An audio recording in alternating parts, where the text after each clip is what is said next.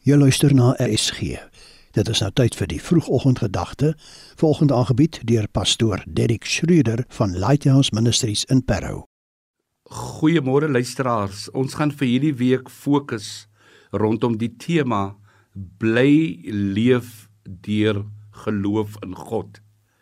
Weet jy ek word herinner aan die entoesiasme van my oudste seun wat reeds van 'n baie jong ouderdom en later professionele rugby gespeel het. Hy was ook altyd so oortuig wanneer ons voorberei vir 'n wedstryd, dan het hy gesê ons gaan hierdie wedstryd wen. Hy het absolute vertroue gehad in sy afrigter en sy span. Baie keer het hulle gewen, maar hulle het ook soms verloor.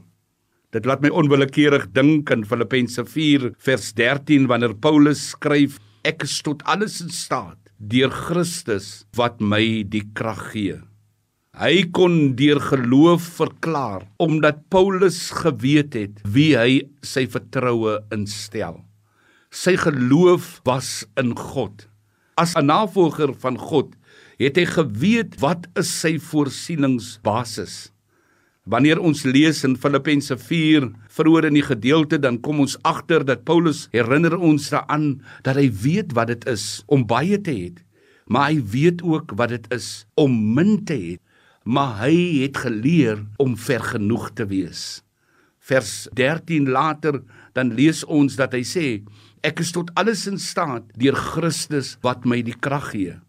Paulus sê dan ook vir die gemeente in Filippi God is in staat om in elke behoefte van julle te voorsien na die rykdom en die heerlikheid van sy genade.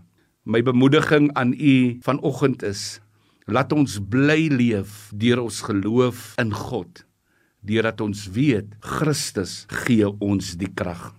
Kom ons bly leef in daardie wete dat ons kry ons krag van die Here. Kom ons leef in daardie wete dat ons is in staat om situasies te kan oorkom omdat ons weet Christus is ons krag. Kom ons bid net saam. Here baie dankie dat ons kan weet dat u woord is ons krag. Dankie dat ons kan leer uit die lewe van Paulus uit dat die wat hulle vertroue in u stel is tot alles in staat.